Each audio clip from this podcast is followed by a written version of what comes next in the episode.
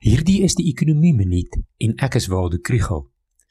Die lening van 4.3 miljard dollar wat Suid-Afrika by die IMF e maak, is gister goedgekeur. Hierdie lening is in minister Tito Mboweni se aanbevullende begroting in Junie aangekondig en gaan gebruik word om deel van die COVID-19 sosio-ekonomiese hulppakket te finansier. Die geld word geleen teen 'n lae rentekoers van ongeveer 1%, maar daar is voorwaardes aangekoppel en dit is wat dit interessant maak. Die belangrikste ding waartoe die regering hulle verbind het, is die vermindering van die begrotingstekort en die staatsskuld, soos wat in minister Boeni se aanvullende begroting aangekondig is.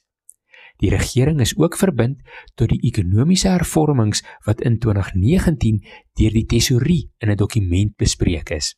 Dit sluit in hervorming van die telekommunikasie, vervoer en energie sektore om die mededingendheid van die ekonomie te verhoog. Die groot vraag is of die regering wel sal kan doen wat hulle beloof.